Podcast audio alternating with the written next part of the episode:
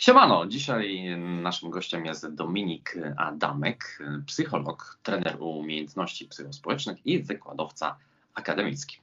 Cześć Dominik. Dobry. Hej, hej, dzień dobry, dobrze Cię widzieć. Również. Zaczniemy od tego, skąd y, w ogóle u Ciebie się pojawiła taka przestrzeń, w której dowiedziałeś się, że e, pociągają Cię mężczyźni, kiedy, w jakim wieku to gdzieś tam odczułeś, zbadałeś, jak to się dokonywało. Może idziemy w prywatę? O Boziu. Grubo. E, grubo.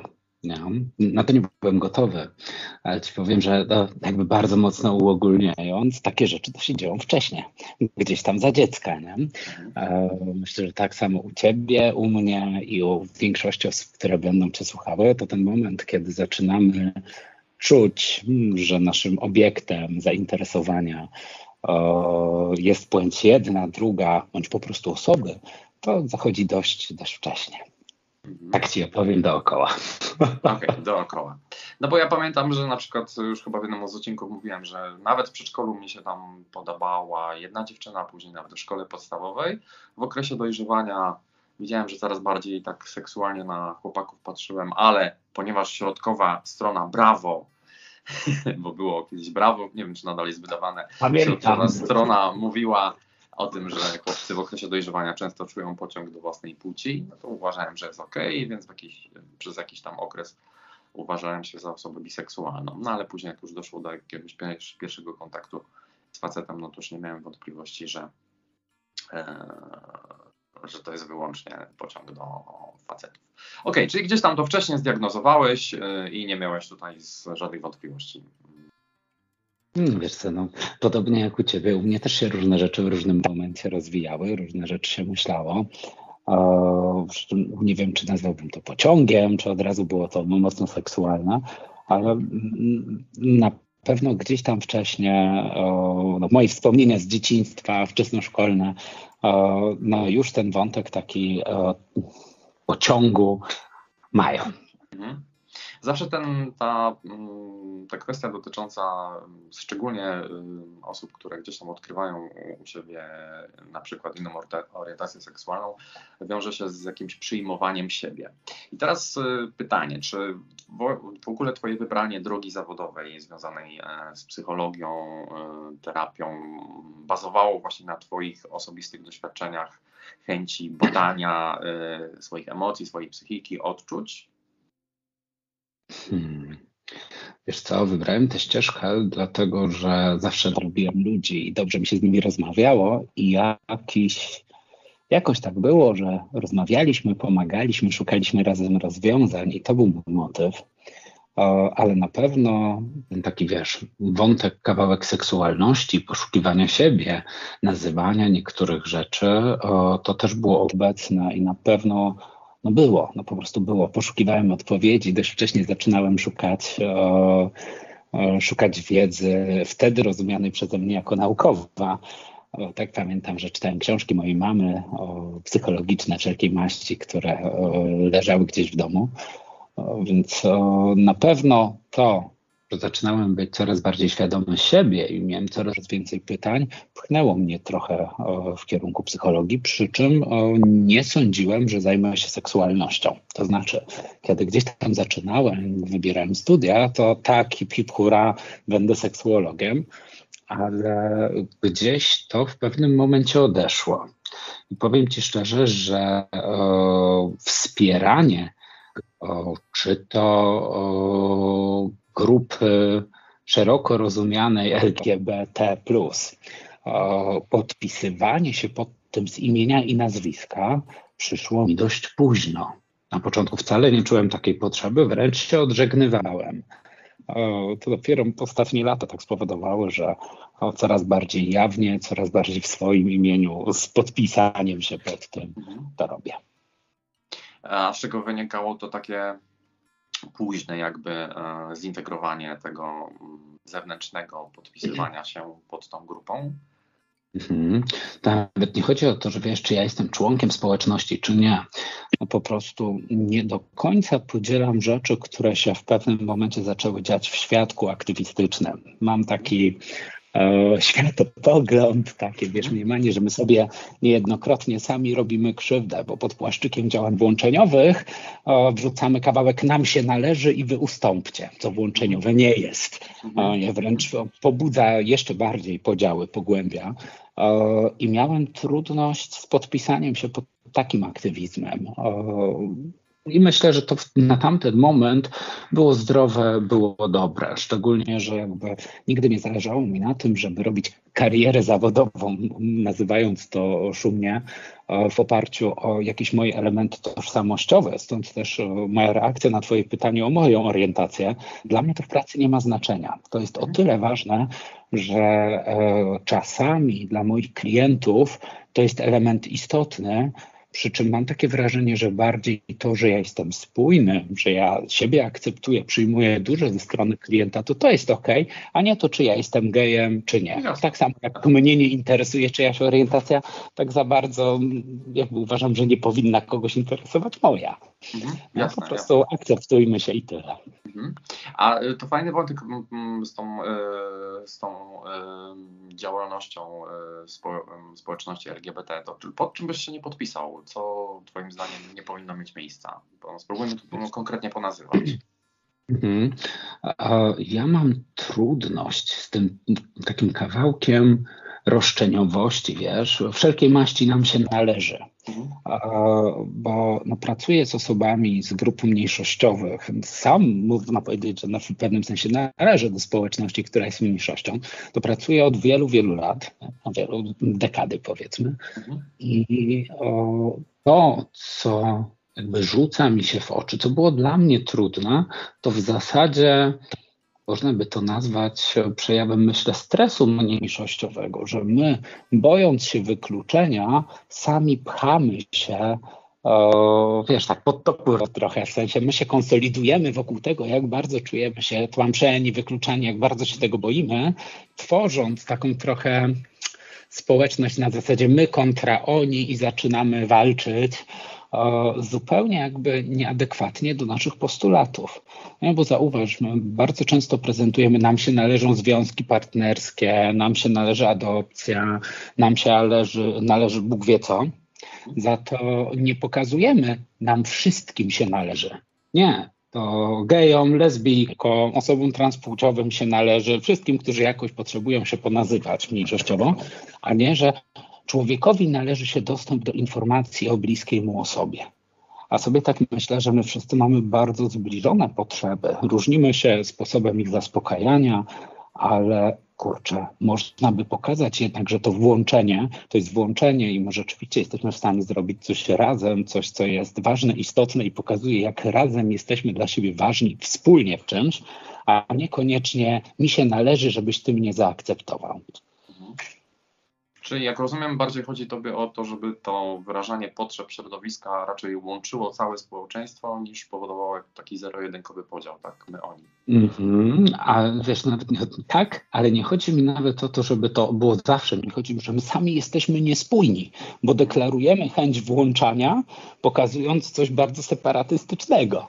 Więc po prostu nie tędy droga. To może wzbudzać niezrozumienie, agresję. Zresztą patrz, że nie za bardzo przekonuje to grupy większościowe, żeby włączyć się w działania z nami. Raczej jest to spostrzegane jako pewne nasze roszczenie, które nie ma racji bytu.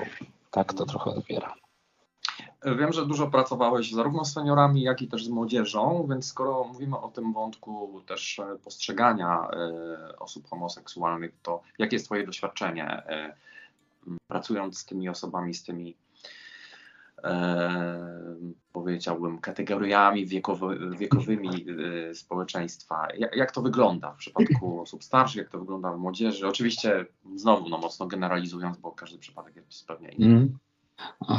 Tak mam wrażenie, że generalizować się nie da, ale na pewno młodzież obecnie, znaczy mam takie wrażenie z, z pracy, z kontaktu z młodymi ludźmi, że zdecydowanie więcej dopuszcza, jest mniej pospinana, mniej sztywna w przekonaniach, trochę bardziej rozdziela to, co jest ich przekonaniem czy wiarą, od tego, co jest wiedzą i pozwala na trochę więcej. U osób starszych za to widzę, że jest też dużo więcej przyzwolenia i ciekawości niż było kiedyś. Zresztą mam takie wrażenie, że, że problem z akceptacją nas zaczyna się zazwyczaj tam, gdzie my sami mamy ten problem. Wiesz, prosimy, przychodzimy prosząc o zaakceptowanie, a przez to z naszej tożsamości, orientacji i tak dalej, tworzymy taki czynnik bardzo, bardzo znaczący, nie? Nagle to jest ten element mnie, przez który ja jestem spostrzegany.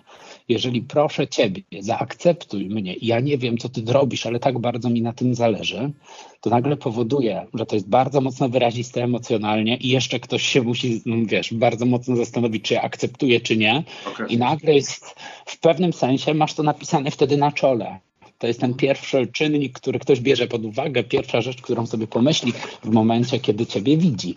A więc pytanie, czy my naprawdę tego chcemy?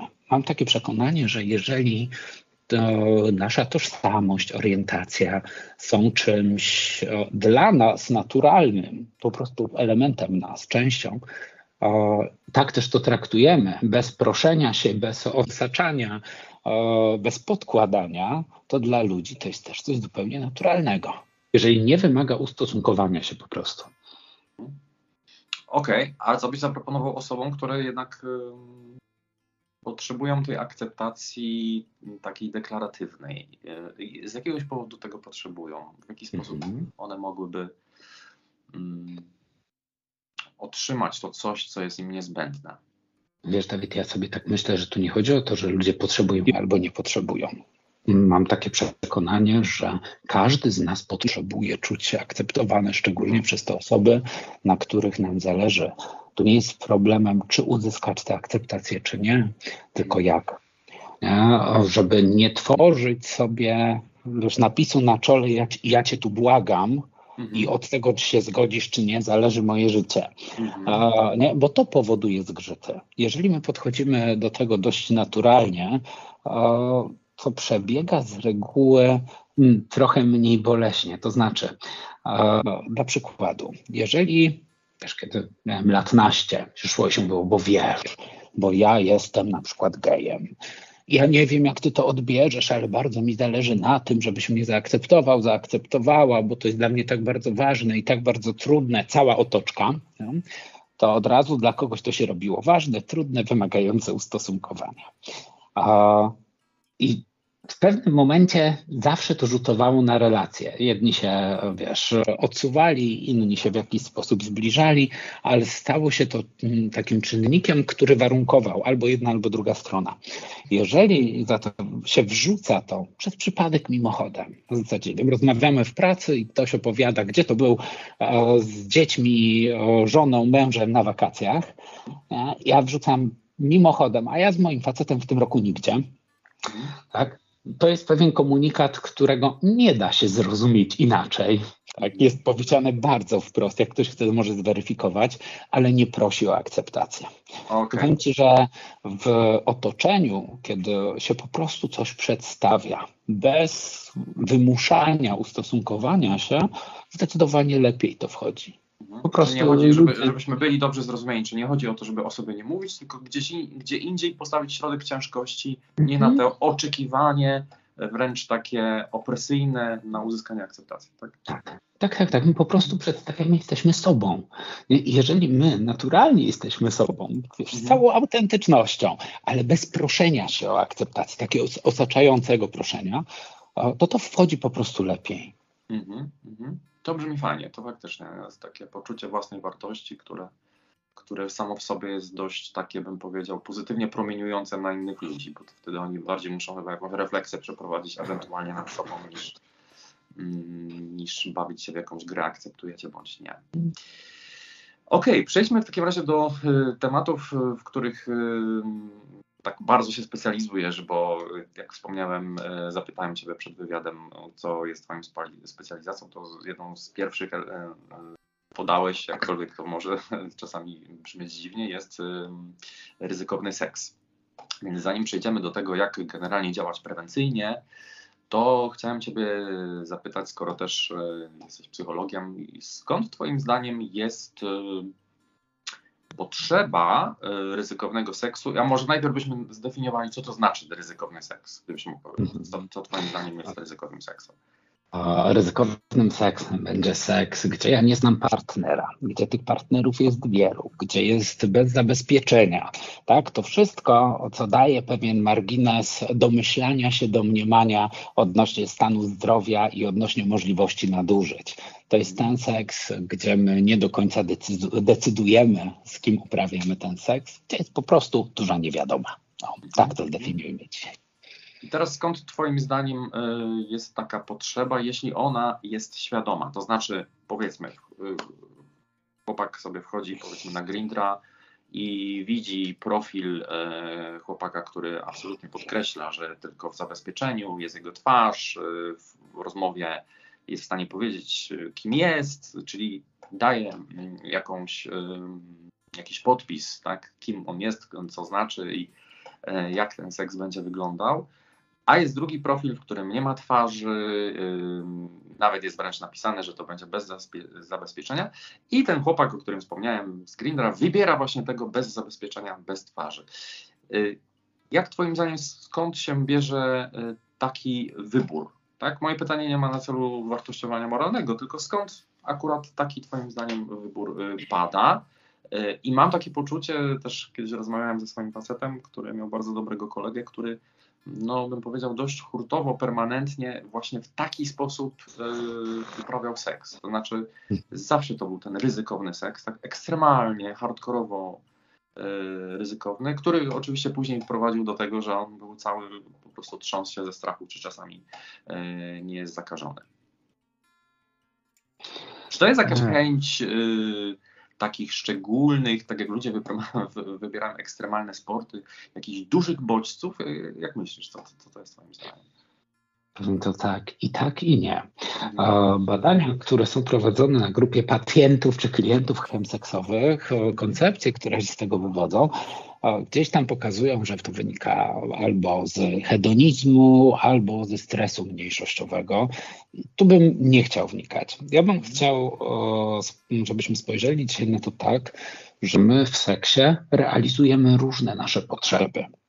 To czasami jest bliskość, to czasami jest akceptacja, to czasami jest po prostu stymulacja. Nie? Ja chcę podniecenia czegoś takiego mocniejszego i ta stymulacja powoduje, że ja jestem w stanie się wyregulować. Nie? Kiedy jest ciężko, ciężko, ciężko, bardzo dużo się dzieje, to ja potrzebuję na chwilę zwolnić, nie myśleć, czasami poczuć się wyładować napięcie. I to, że my się umówimy na seks, powoduje, że w tym całym, wiesz, ciężkim znoju każdego dnia, który się dokłada, poczuciu wykluczenia, stygmatyzacji, o, niepokoju, stresu, to nam dostarcza dodatkowych wrażeń, nie? leci podniecenie, a w momencie, kiedy dochodzimy, kiedy jest orgazm, odczuwamy ulgę. Hmm? To taka dosłownie chemiczna regulacja mózgu, można powiedzieć, tak? Oczywiście, że tak. No, dokładnie w ten sposób. Czyli ja się fizjologicznie reguluję. Ta ulga, wiesz, napięcie rośnie i spada do poziomu, do punktu wyjścia, ale już nasz organizm to jako ulgę odczuwa. W związku z tym będzie to jako taki, wiesz, kawałek adaptacyjny, czyli to po prostu zadziałało, żebym ja sobie poradził z napięciem. I tak zaczynamy wpadać w mechanizm regulowania się seksem, czy gdzieś tam w dalszym biegu życia, to uzależnienie od seksu po prostu. Nie? Czyli jedna rzecz to jest to, żeby e, sobie po prostu ulżyć, jeśli chodzi o napięcia, tak? i żeby po prostu przez chwilę mi było dobrze. Na to zazwyczaj, im, a może inaczej, im więcej o tego stresu doświadczam, nie, im w większym napięciu żyję, tym tego bodźca będę potrzebować pewnie trochę e, silniejszego. Poza tym tak nasz organizm działa, że w pewnym momencie potrzebujemy coraz mocniej, coraz silniej, coraz częściej, e, żeby osiągnąć ten sam efekt. Nie? I możemy zobaczyć to wśród tych z nas, którzy e, gdzieś tam w ten ryzykowny seks idą, że rzeczywiście z biegiem czasu potrzebujemy coraz mocniejszych doznań. Nie? To jest coraz częściej, coraz więcej, większa liczba partnerów, Jak na początku jest w zabezpieczeniu seks, tak potem jest bez zabezpieczenia seks. Jak na początku tylko w łóżku u mnie w mieszkaniu, tak potem pojawia się klub, potem pojawia się plener i tak dalej, i tak dalej. Nie? Że potrzebuje coraz silniejszego bodźca, żeby się wyregulować.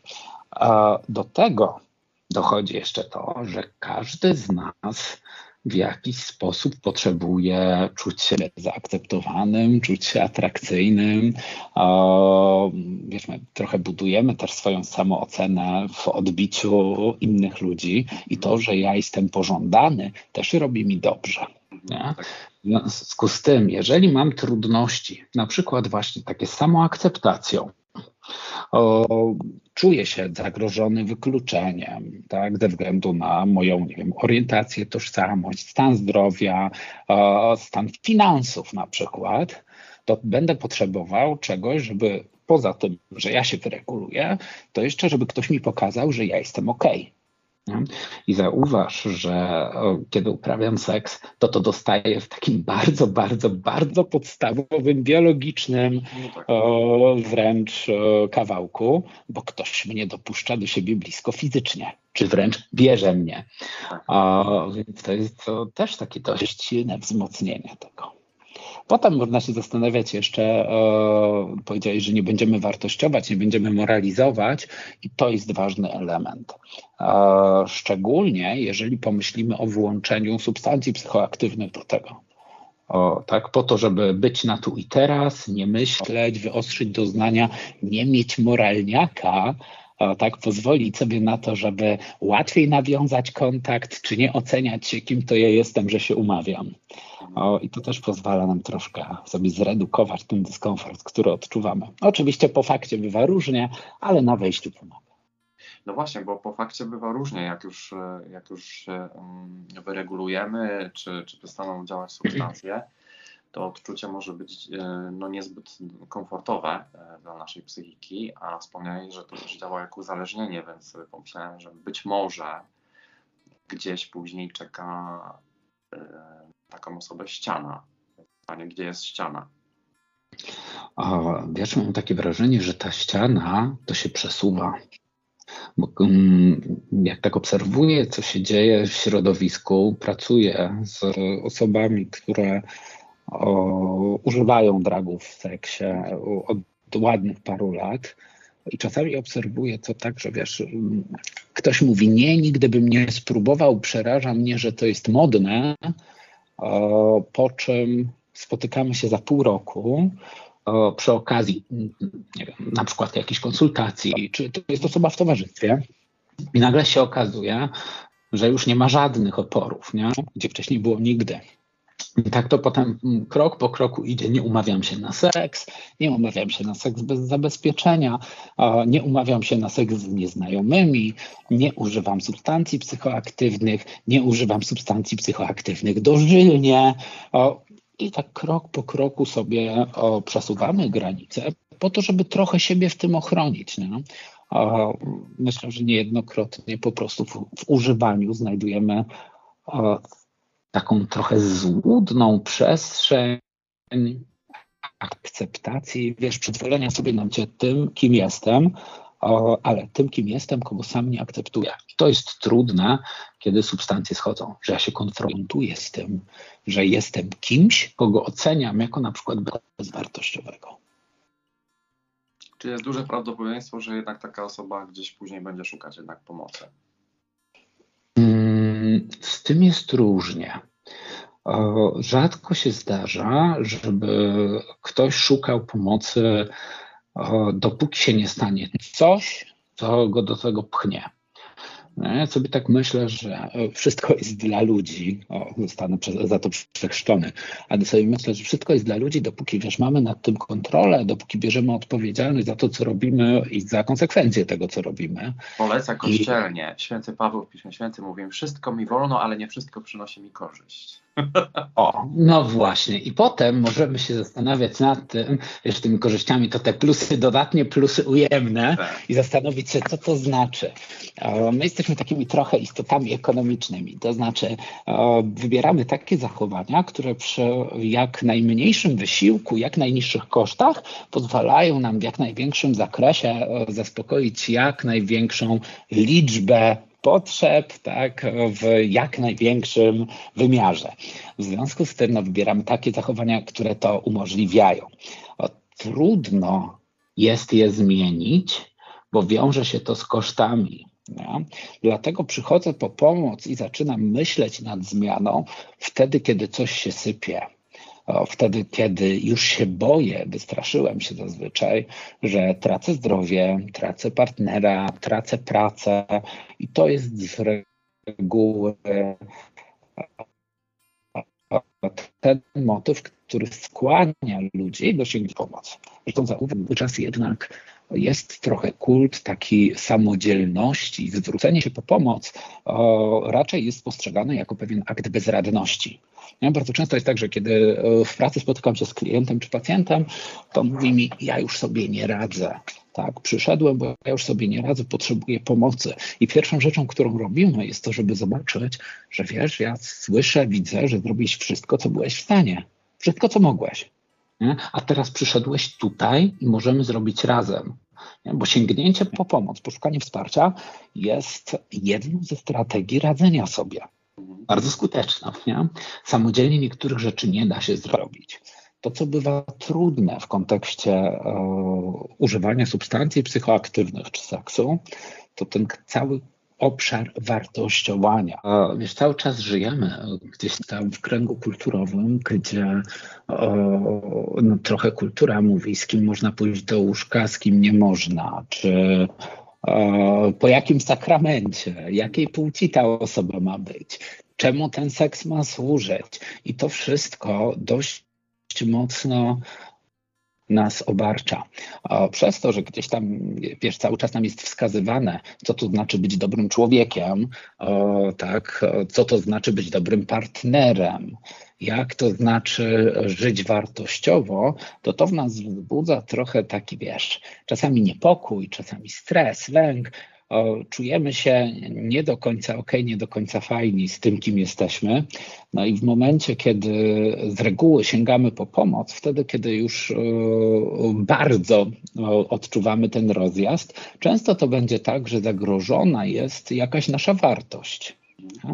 Czyli, że na przykład tracę zdrowie, tracę rodzinę, tracę partnera, tracę pracę i staram się coś zrobić, żeby to utrzymać, uratować.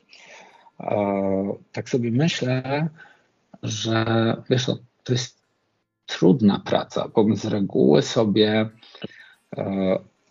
w tym momencie, kiedy sięgamy po pomoc, to obiecujemy, że już nigdy nic nie zrobimy. To tak trochę jak z postanowieniami noworocznymi. Nie każdy gdzieś z nas je robi czasami, czasami większość z nas przez znaczną część życia. O, I obstawiam, że zdecydowana większość z nas nigdy ich nie dotrzymuje, no, bo one z reguły o, są tak odpalone, tak odrealnione, tak dalekie od tego, jacy my jesteśmy w rzeczywistości, czego potrzebujemy, czy tak dalekie od tego, na co pozwalają nam zachowania, które chcemy zmienić, że po prostu nie ma szans. Nie? Bo ja sobie tu pomyślę, chcę pójść na siłownię albo nie chcę jeść słodkiego.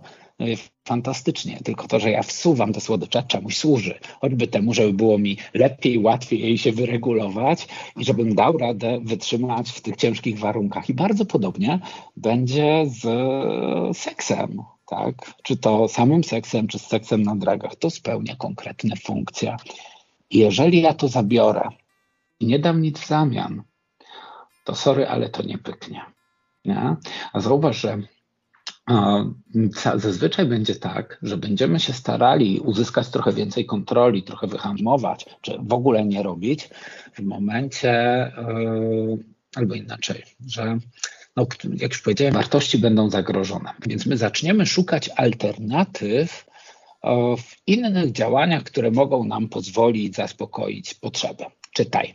Zamiast umówić się na seks z nieznajomym, w którym ja się przez chwilę poczuję atrakcyjny i chciany, to zacznę się umawiać na inne spotkania.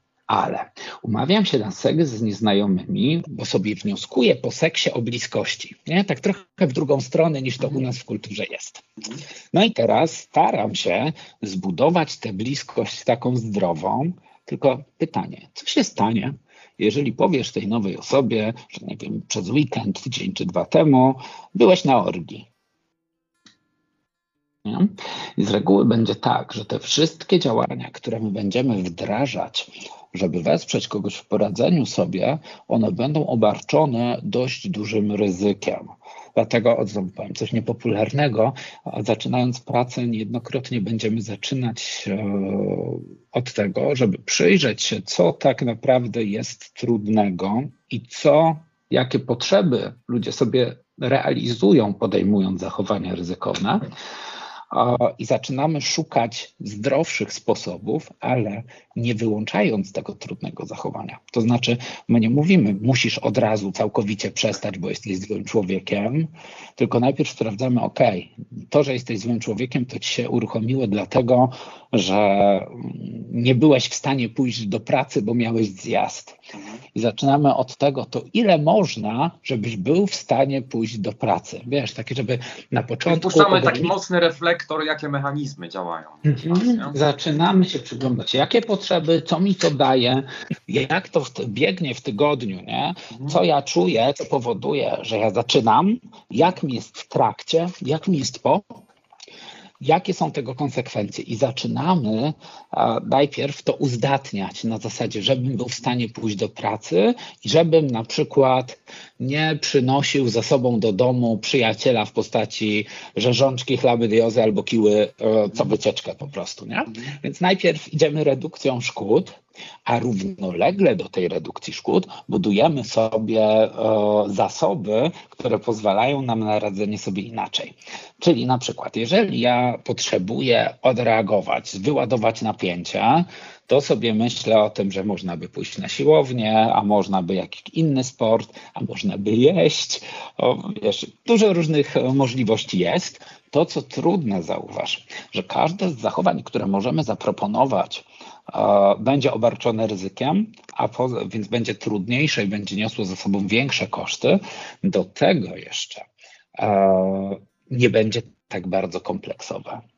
W związku z tym o, to naprawdę dość długo trwa i naprawdę jest trudne, tak? bo zanim ja o, uwierzę troszkę w siebie, tak? spojrzę na siebie, zaakceptuję i zobaczę, że ja jestem człowiekiem, który jest ok, który robi różne rzeczy, no ale robi to po coś.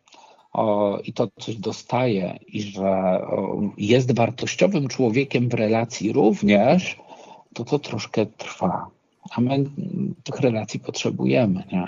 Zresztą żyjemy w mocno specyficznych czasach, gdzie większość z nas jakoś e, z jednej strony ma ogromny lęk przed samotnością i taką potrzebę bliskości, jednocześnie ogromny lęk przed odrzuceniem, jednocześnie ogromny lęk przed bliskością i zlaniem się. Właśnie o tym chciałem powiedzieć, bo moim zdaniem e, to może często wynikać, ten, ten, e, ten seks taki anonimowy, bez zabezpieczeń, bo ty powiedziałeś, że ta bliskość jest czymś, czego każdy szuka i jest czymś bardziej bezpiecznym e, w, w tych powiedzmy przygodach seksualnych.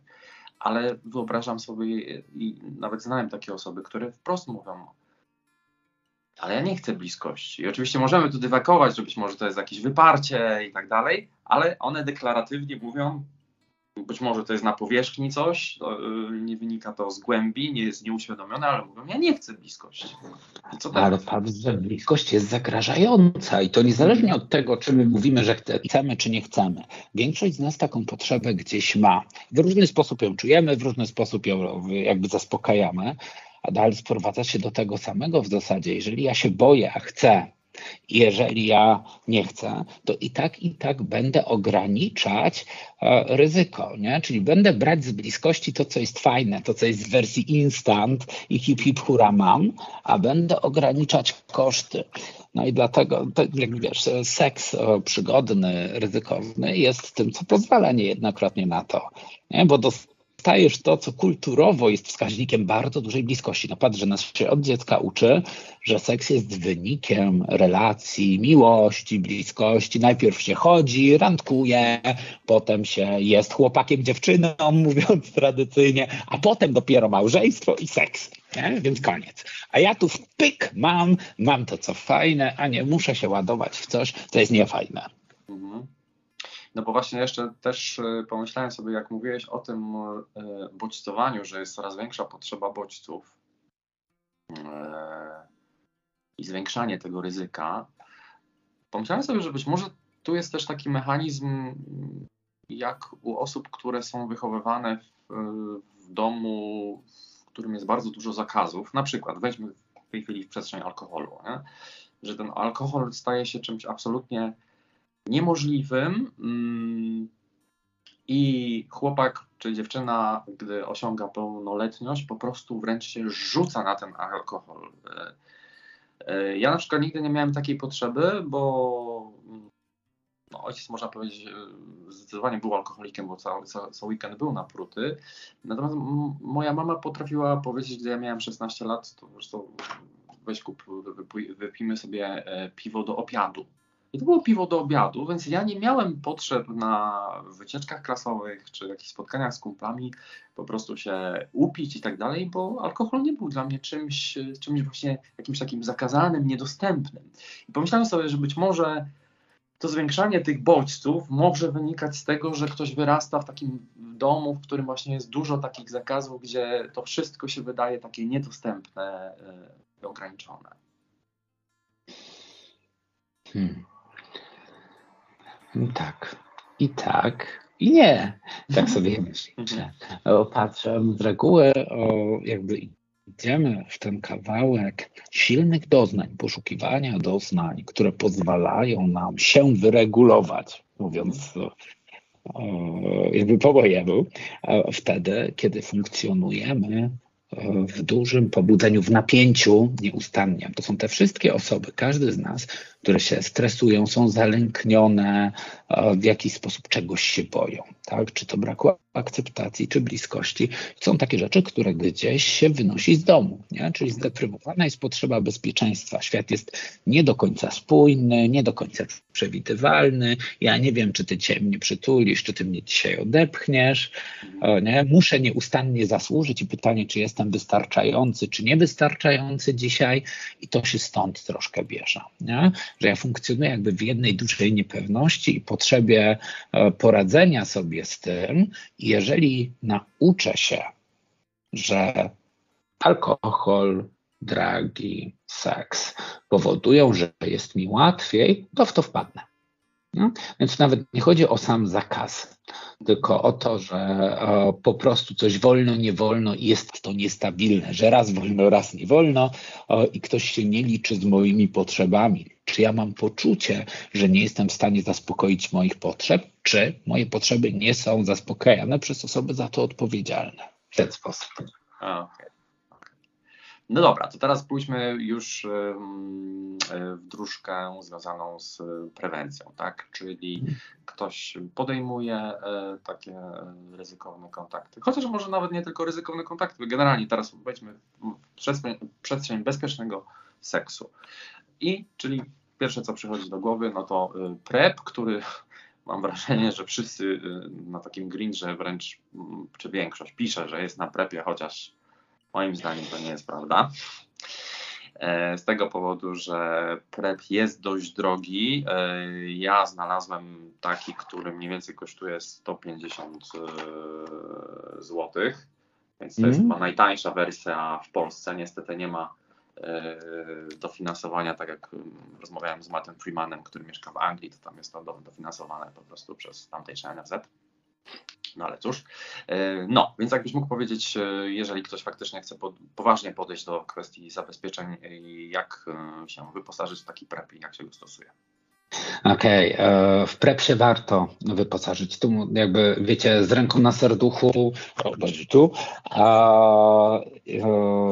ale Powiem tak, odwołam się do tego, co słyszę od swoich klientów i pacjentów. Słuchajcie, boimy się czasami tego prepu. Słyszę czasami od e, osób, z którymi pracuję, że na przykład boją się go wziąć, bo na przykład wtedy już nic, żaden strach, lęk, niepokój nie będzie ich hamować przed tym, żeby robić to, na co mają ochotę. I wiecie, od razu mi się uruchamia, a teraz cię hamuje?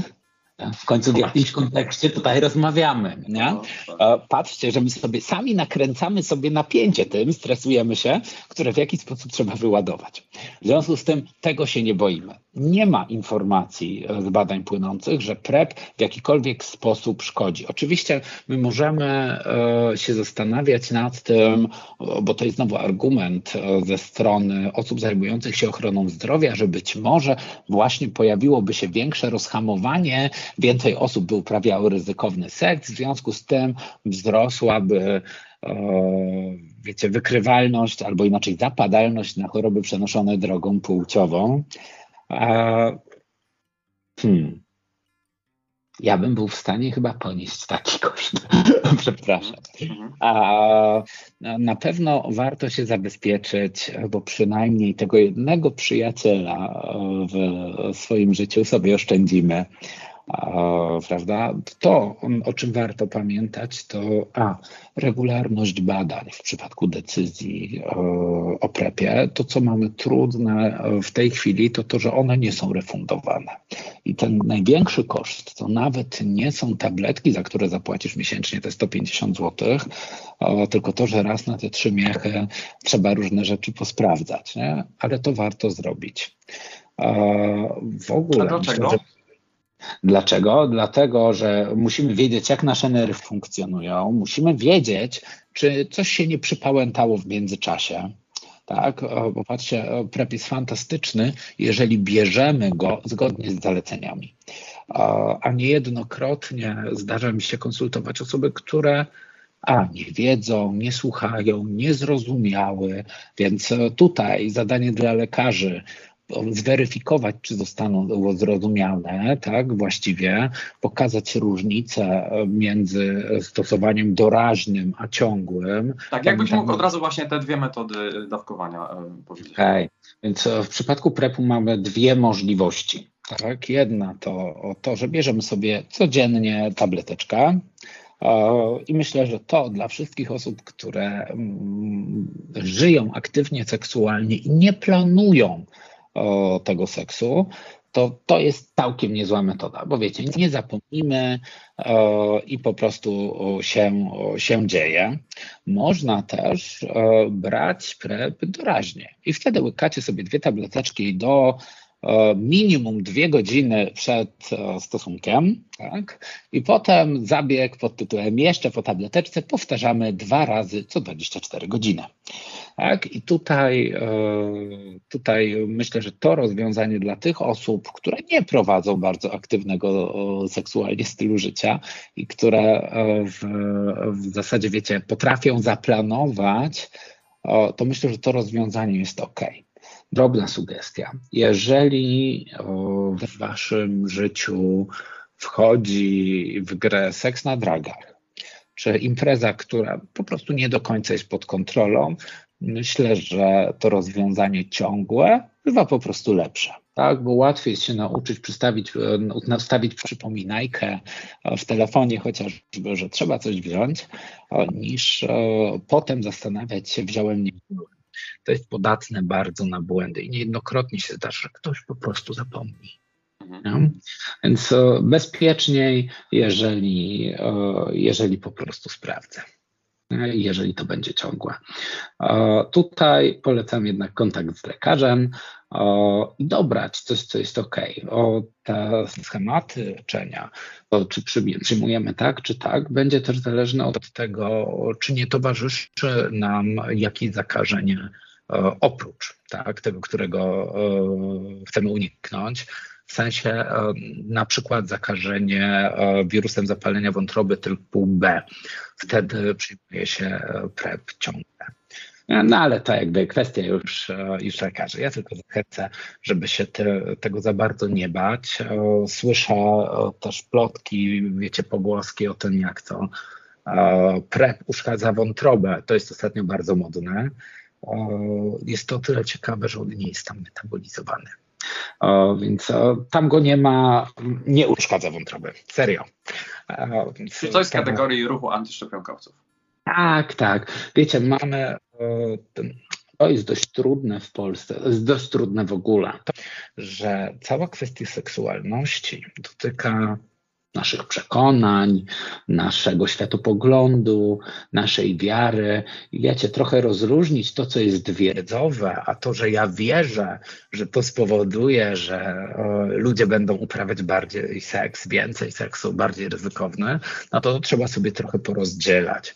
W związku z tym, owszem, ja wiem, że PrEP zabezpiecza i stosowany zgodnie z zaleceniami PrEP zabezpiecza tak, że mogę czuć się bezpieczny, ale ja wierzę, że wtedy, gdybym go brał, to bym uprawiał bardziej ryzykowny seks, bo nie byłoby hamulców. Ale to jest wiara. To wcale nie znaczy, że tak będzie. Nie? Ja mam wierzyć w różne rzeczy, ale no właśnie. Wiesz co, wyobrażam sobie, że dla kogoś, e, kto wybiera ryzykowny seks, to nie jest stresem, nie jest stresem może ma możliwości finansowe, żeby sobie taki prep kupić, a największym stresem może być e, pierwszy krok, czyli po prostu pójście do lekarza rodzinnego i rozmowa o tym. E, I do lekarza rodzinnego, i do lekarza zakaźnika, i do każdego. Sobie tak myślę, że najbardziej odpowiednim miejscem, jeżeli chcecie zacząć od tego, żeby się zbadać, po prostu, to wykonanie testu w kierunku HIV warto zrobić, warto się tym zaopiekować w punkcie diagnostyczno-konsultacyjnym, tak? Mamy tych punktów konsultacyjno-diagnostycznych całą masę, tak, kilka w Warszawie, Poznań ma, zresztą przychodnia Stonewall u Was tak, tak. fantastycznie hula. Tak jest Chorzów u nas, jest Kraków i punkt, który prowadzi jeden świat. W zasadzie znajdziecie. Dlaczego mówię, że warto? Dlatego, że jest trochę komfortu w związku z tym, że jest się anonimowym. To badanie jest bezpłatne. I to jest to miejsce, gdzie e, przez badanie przeprowadzą Was osoby, które są do tego przygotowane. To nie jest lekarz, który ma 30 czy 40 pacjentów w ciągu dnia na Was 5 minut, a o HIV to wie tyle, że to kurwy pedały i ćpuny, przepraszam. O, tak, no bo jakby my się uczymy różnych rzeczy, ale zauważcie, że co innego jest deklaratywnie o czymś mówić, a co innego, kiedy zaczyna to być blisko. To się uruchamia znacznej części z nas. My wiemy, że z HIV się dzisiaj żyje, że się leczy fantastycznie, ale kiedy my zaczynamy być zagrożeni, albo kiedy dowiadujemy się, że osoba, z którą przed chwilą uprawialiśmy seks, jest pozytywna, to nawet jak wiemy, że jest niewykrywalna, to i tak, i tak gdzieś się uruchamia ten pierwotny kawałek. Nie? Temu lekarzowi też się może to zrobić. Dlatego zachęcam punkty konsultacyjno-diagnostyczne i certyfikowani doradcy do spraw HIV-AIDS nas to hula fantastycznie. O, tak, Krajowe Centrum do Spraw AIDS, o, strasznie niefortunna nazwa, ale jednak działa całkiem nieźle, finansuje te badania i sobie tak myślę, że jeżeli chcecie porozmawiać spokojnie, swobodnie i dotknąć tego, co niepokoi, tak porozmawiać o waszym seksie, zastanowić się nad możliwościami, to to jest dobre miejsce. A potem można się umówić z lekarzem. Czyli chodzi o to, że tam idąc do tych miejsc, które polecasz, y, nie ma ryzyka, że y, ten lekarz y, będzie jakoś podnosić brew, będzie miał jakąś dziwną. Po prostu będzie tam taka rozmowa, jak my w tej chwili rozmawiamy, że to jest normalna rzecz i, i nie trzeba się stresować, czyli w komfortowych warunkach. Ludzie uprawiają seks. Nie? Właśnie obchodzi. No, no właśnie. Wiesz. I, I to, że my sobie różne rzeczy o tym seksie myślimy, to jest zupełnie naturalne, ale to jest nasze. I fajnie jest, jeżeli można porozmawiać o tym, nie narażając się właśnie na wszelkie maści moralne wyżygi moralizujące, a tam to dostaniemy po prostu. Okej. Okay. Dominik, jakbyś mógł jeszcze wspomnieć o, o tych pozostałych chorobach zakaźnych, które gdzieś tam jest ryzyko. Mhm. To, co warto sobie monitorować w miarę na bieżąco, to no w ostatnim czasie widzę, że dość sporo jest w moim otoczeniu HCV, czyli wirusowego zapalenia wątroby typu C. Zdecydowanie łatwiej o zakażenie niż w przypadku HIV. Potrzeba zdecydowanie mniej krwi, tak? Zatrzecie się, podrażnicie, lepiej to zmonitorować. My sobie tak to lekceważymy, zapominamy o tym, ale sobie tak myślę, że kiedyś łatwo to było wypierać i bezpieczniej było nie wiedzieć, bo też się kojarzyło z czymś przewlekłym, z czego się nie wychodziło, a prowadziło w pewnym momencie do marskości wątroby. Teraz to się leczy. Jest leczenie refundowane tak, byłoby nadużyciem, gdybym powiedział tak jak w przypadku HIV, bo trochę inaczej, ale też pacjent nic nie płaci, więc to warto zweryfikować. To, nad czym warto mieć kontrolę, to weryfikowanie iły, rzeżączki, chlamydiozy. No. Tutaj e, kiłunie, wykonać teścik. W części punktów konsultacyjno-diagnostycznych też można to zrobić e, anonimowo i za darmo. Nie zawsze, ale zrobienie tego badania e, też z tego co pamiętam nie jest wybitnie drogie, na to sobie można pozwolić. Kiła, e, przepraszam, chlamydioza i rzeżączka. Tutaj e, można się pokusić o wymazy. To, o czym warto pamiętać, że te dwie choroby niekoniecznie dają objawy. Tak? Co ważne, w przypadku chlamydiozy, kiły, rzeżączki nie potrzebujemy seksu stricte, żeby no, narazić się na infekcję. Dlaczego? To tam mamy wydzielinę, w której są bakterie, więc jakby się uprzeć, to wiecie, są zmiany na przykład w jamie ustnej, więc jakby się uprzeć, to przez pocałunek się da. Dlatego tu warto pamiętać, żeby się sprawdzać. Po prostu. No. Choroby weneryczne, przenoszone drogą płciową, zwał jak zwał, zdrowie seksualne to jest zdrowie. Tak jak każdy inny element po prostu naszego zdrowia, o to warto, warto zadbać. O, chcemy sobie trochę pożyć w końcu. No tak. E, słuchaj, wrócę jeszcze na chwilę do tego prepu, bo teraz mi tak się przypomniało, że e, są osoby, które e, uważają, że będą uprawiać seks bez prezerwatywy, dlatego że biorą prep. Jakbyś mógł jeszcze ten wątek Zalecenie jest takie, żeby, jak wiecie, że prezerwatywa i prep idą w parze. To znaczy, to, że bierzesz prep, nie zwalnia cię z użycia prezerwatywy. To mhm. tyle jakby PrEP nie powinien być argumentem, bo owszem, patrzcie, my mamy, wiemy, że w przeciwko HIV no, zabezpiecza, ale robi nam się taki trochę taki kuriozalna sytuacja, że jak w przypadku świata heteronormatywnego jedyną chorobą przenoszoną drogą płciową jest ciąża i przed tym się zabezpieczamy, tak wśród MSM-ów, czyli mężczyzn uprawiających seks z mężczyznami, no jedynym zagrożeniem jest HIV. I w tym momencie, kiedy pojawia się PrEP, no to jest hulaj dusza, dusza, piekła nie ma, to piekło może i nie jest piekłem, ale pewną upierdliwością jest. W związku z tym, ze względu na całą masę pozostałych o, możliwych do złapania, przyniesienia czy zaprzyjaźnienia się z infekcji, o, warto o prezerwatywie pamiętać. O, tak, tu możemy się zastanawiać, nie, jak bardzo ona chroni i przed czym, ale możemy uogólnić dla własnego bezpieczeństwa, komfortu i zdrowia. Warto. Czyli działamy prewencyjnie, no ale jednak czasem ktoś coś złapie. Y, z tego co wiem, ty też przekazujesz osobom y, wiadomość, rozmawiasz, które właśnie odebrały wynik y, pozytywny. I mm. jakbyś mógł troszkę o swoim doświadczeniu tych, tych pierwszych minut tej rozmowy e, opowiedzieć? Hmm. E, to są trudne rozmowy. Rzekłbym bardzo trudne, bo obojętnie jak dużo nie wiemy, a czy wiemy o życiu z HIV dzisiaj, o leczeniu, to uruchamia to bardzo nasz lęk, niepokój. Bardzo często słyszę wiesz, wyartykułowane takie przekonanie, że moje życie właśnie się skończyło. Tak i to od osób, które e, gdzieś tam wcześniej mówiły, że wiedzą, że się nie boją, to jednak dotyka takich bardziej pierwotnych części nas.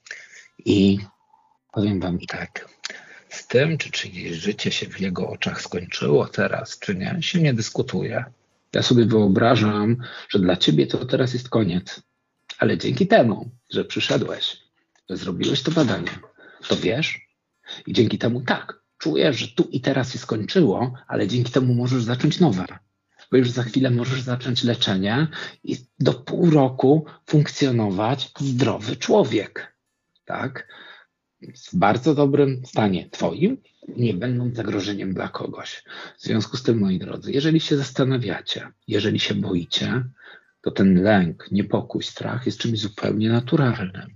Tak, my się boimy, bo to każdy z nas, myślę, że najbardziej dostępnym, a jednak e, HIV, AIDS i epidemia lata wczesne 90., nie, czy końcówka 80., takie wyobrażenie i mimo, że deklaratywnie wiemy, jak jest teraz, to tam to jest najżywsze.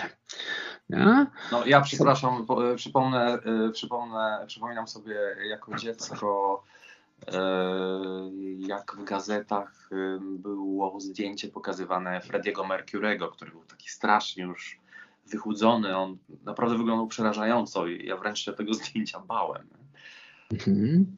E, I patrz, że znaczna część z nas będzie miała to w pamięci. Mhm. Teraz jest inaczej, ale nie mamy co z tym dyskutować. Jedynym sposobem na zweryfikowanie naszego stanu zdrowia w tym zakresie jest pójść i zrobić badanie.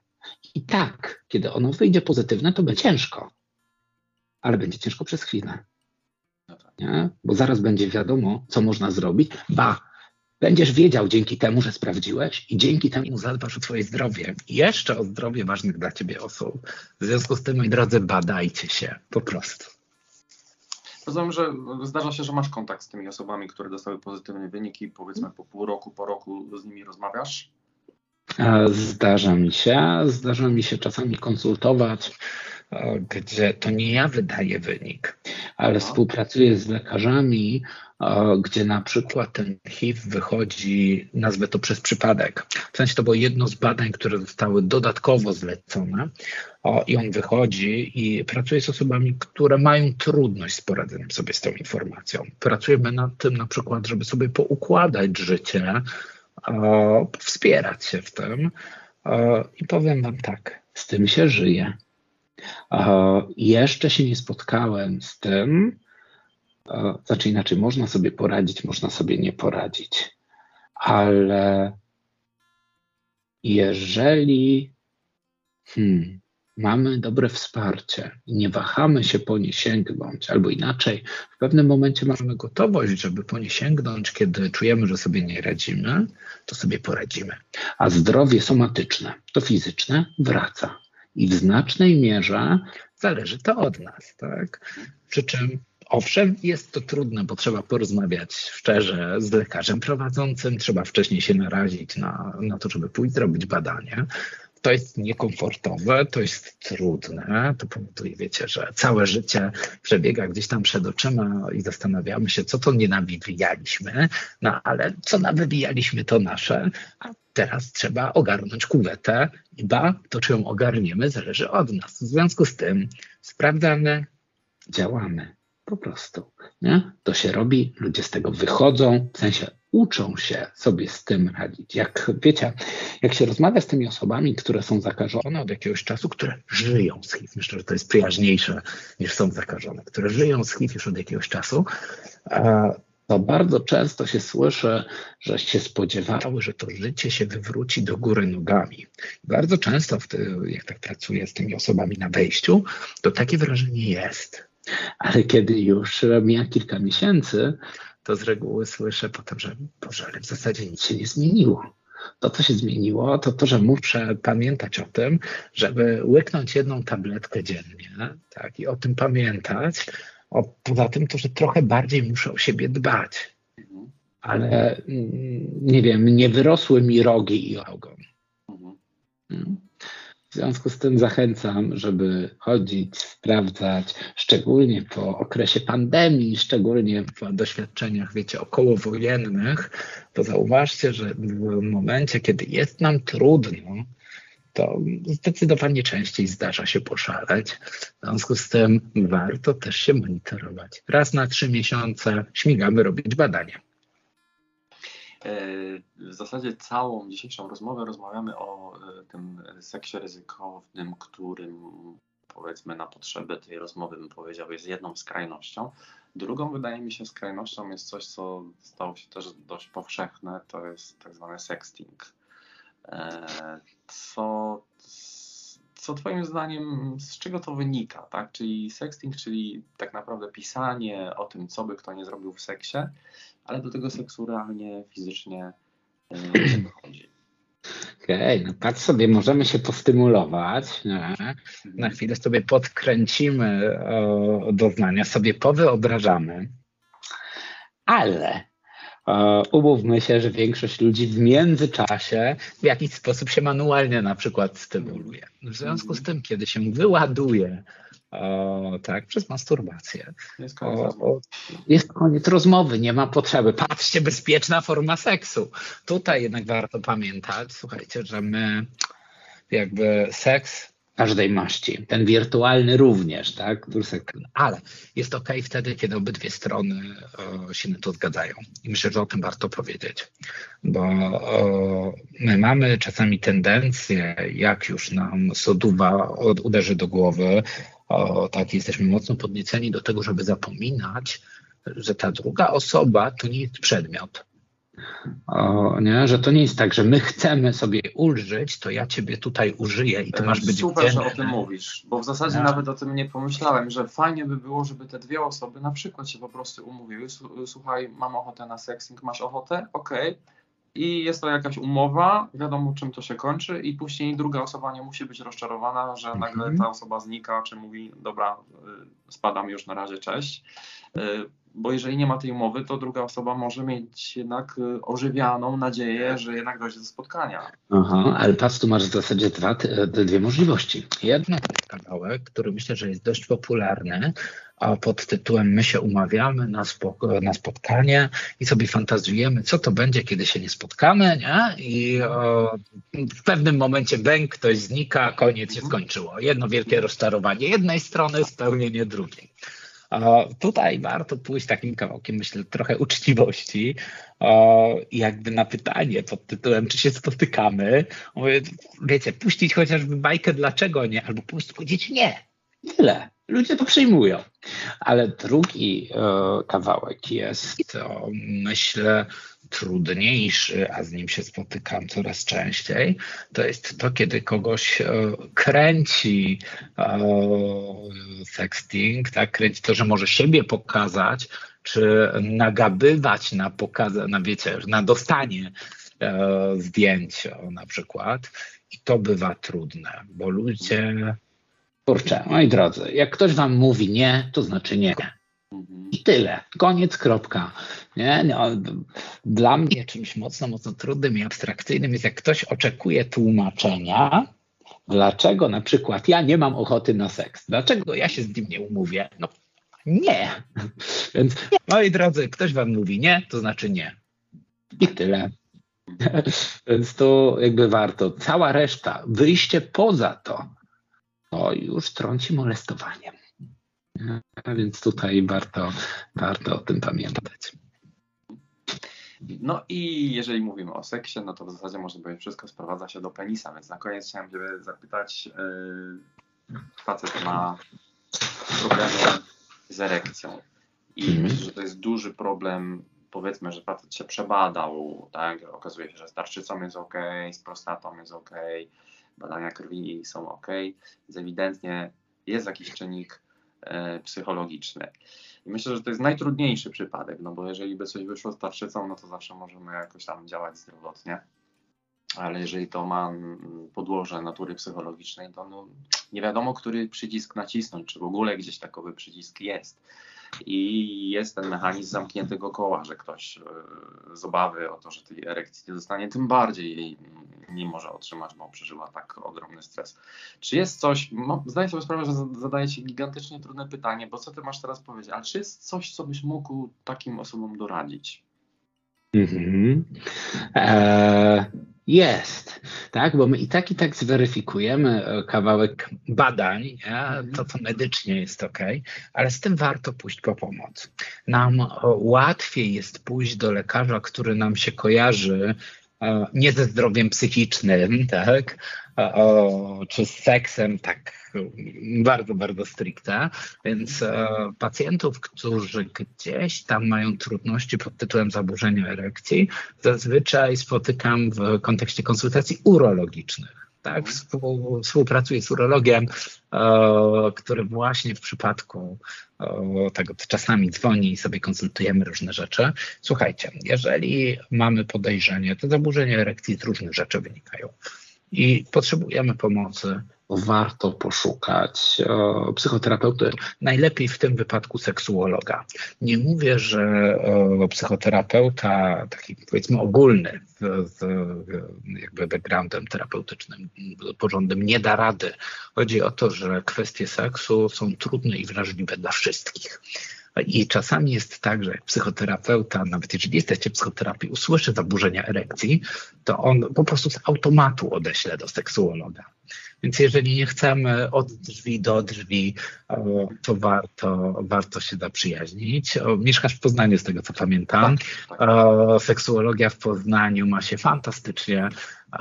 Tak kształcicie świetnych seksuologów. Pani profesor Bajsarz prowadzi studia seksuologii klinicznej podyplomowe na ułamie, więc też dostęp do specjalistów naprawdę top klasy, jeśli chodzi o Polskę macie. Tylko tutaj warto po prostu poszukać kogoś, kto się, kto się zna, żeby trochę się na minę e, nie, nie, nie wpakować tak, tutaj warto poszukać pomocy jakby terapeutycznej tam w, tym, w tej sferze psycha. Dlaczego? Bo patrzymy potem, nie chcąc się z tym skonfrontować, bo to jest trudne i rozmawia się o rzeczach, które są wrażliwe, to ładujemy kupę hajsu na przykład suplementację wszelkiej maści, e, różne dziwne, e, magiczno-szamańskie e, pomysły. No, a problem jest zdecydowanie on jest trudniejszy, żeby dotknąć, ale jak się już dotknie, to się idzie i naprawdę można dużo rzeczy wypracować, takich, wiecie, popracować nad samoświadomością, poznaniem troszkę bardziej siebie, ponazywaniem niektórych rzeczy, to naprawdę ułatwia. Nie? I szamańskie ziółka naprawdę nie są do tego potrzebne, ani tableteczki sprowadzane gdzieś tam z głębokiej Azji czy Afryki. Więc o, tutaj, jeżeli mamy trudność pod tytułem zaburzenia erekcji, czyli zaburzenia czegoś, co w pewnym sensie nas definiuje, o, tak, czasami my się do tego sprowadzamy, albo inni nas do tego sprowadzają, o, to tutaj warto sięgnąć po pomoc, po prostu specjalistyczną, Właśnie. Ja myślę, że, że jednak większość mężczyzn, i to myślę, że nie jest ich wina, w jakiś sposób um, jakoś tak wytwarza to kultura i przez chyba wszystkie wieki, e, że męskość jest zdefiniowana przez to, że po prostu musi być ten, ten drąg. I to jest mhm. bardzo trudne dla faceta, który powiedzmy przeżywa e, trudności mm, z erekcją, e, żeby tak przejść po prostu nad tym do porządku dziennego, że jednak to mocno musi bić jego tożsamość, jego pewność siebie. No, zauważ, że my budujemy sobie trochę pewność siebie i samoocenę tym, jak ludzie nas widzą, jak komentują. Kilka dni temu u Ciebie widziałem taki wpis e, na Instagramie, komentarz odnośnie tego, jak to ludzie odnoszą się tylko do wyglądu. Zauważ, że tu mamy z jednej strony to, co pokazujesz, to jest to. Nie? A potem pretensja, że ludzie pytają o to, co pokazujesz. My sami się trochę w taki e, dualizm, rozdźwięk, rozjazd, e, dysonans wpychamy. Nie? Wpychamy, bo chcemy dobrze, bo mamy swoją potrzebę. Potrzebujemy być dostrzegani, potrzebujemy czyjegoś zainteresowania. To wszystko jest ok, to jest zupełnie, zupełnie naturalne. A to, że szukamy sposobu, który to zrobi, jest też zupełnie czymś naturalnym. Tylko potem pytanie, czy my naprawdę uzyskujemy to, co chcieliśmy, nie? bo uzyskujemy uwagę, tylko problemem jest nie ilość, a jakość, bo nie problemem jest zainteresowanie, że ktoś ci powie pokaż więcej, albo dlaczego dzisiaj pokazałeś tak mało, tylko to, żeby jednak dostrzegł w tobie człowieka, więc wiecie, my pokazujemy różne rzeczy, ale tam z reguły coś pod spodem jest, jakaś nasza potrzeba i ona nie zawsze jest tym, że potrzebujemy, mówiąc brzydko i w cudzysłowie, e, spuścić z krzyża. Nie? To nie zawsze jest kawałek seksualny, hedonistyczny. Okej, okay, świetnie. Dominik, jeżeli by ktoś potrzebował y, jakiejś konsultacji z Tobą, czy możesz powiedzieć, gdzie można, że tak powiem, Ciebie y, złapać na jakąś konsultację? Jasne. Można mnie złapać e, internetowo, można napisać do mnie przez Instagrama, czy to mojego, czy przez Fundacji Trzy Końce, kontaktowo, na żywo. Konsultuję w Katowicach e, w Centrum Terapii Continuum. E, ogólnie w internetach da się namiar znaleźć, więc jeżeli będziecie potrzebować pogadać, przygotować się na przykład do tego, żeby pójść się zbadać albo poprzyglądać się używaniu, czy to ryzykownemu seksowi, czy używaniu substancji, tak, to, to towarzyszę, czym nie powiem, że to będzie praca zawsze ze mną, tak, bo jeżeli poczuję, że ja nie jestem kompetentny, tak, bo nie jestem psychoterapeutą na przykład, to wtedy po prostu podpowiem, gdzie można pomoc uzyskać. Tak? Popracujemy razem nad tym, żeby zbudować trochę poczucia skuteczności, sprawczości i zobaczyć, co można, co się da samemu. A trochę podziałamy razem i zobaczymy, czy jest potrzeba popracować z kimś jeszcze. Jeżeli potrzebujecie, zachęcam i zapraszam. Świetnie. Czyli komfort zapewniony. Staram się. Dzięki bardzo serdecznie Dominik za tę rozmowę. Dzięki wielkie. Do zobaczenia. Zasubskrybuj ten kanał i zostań moim patronem. Szczegóły znajdziesz w opisie.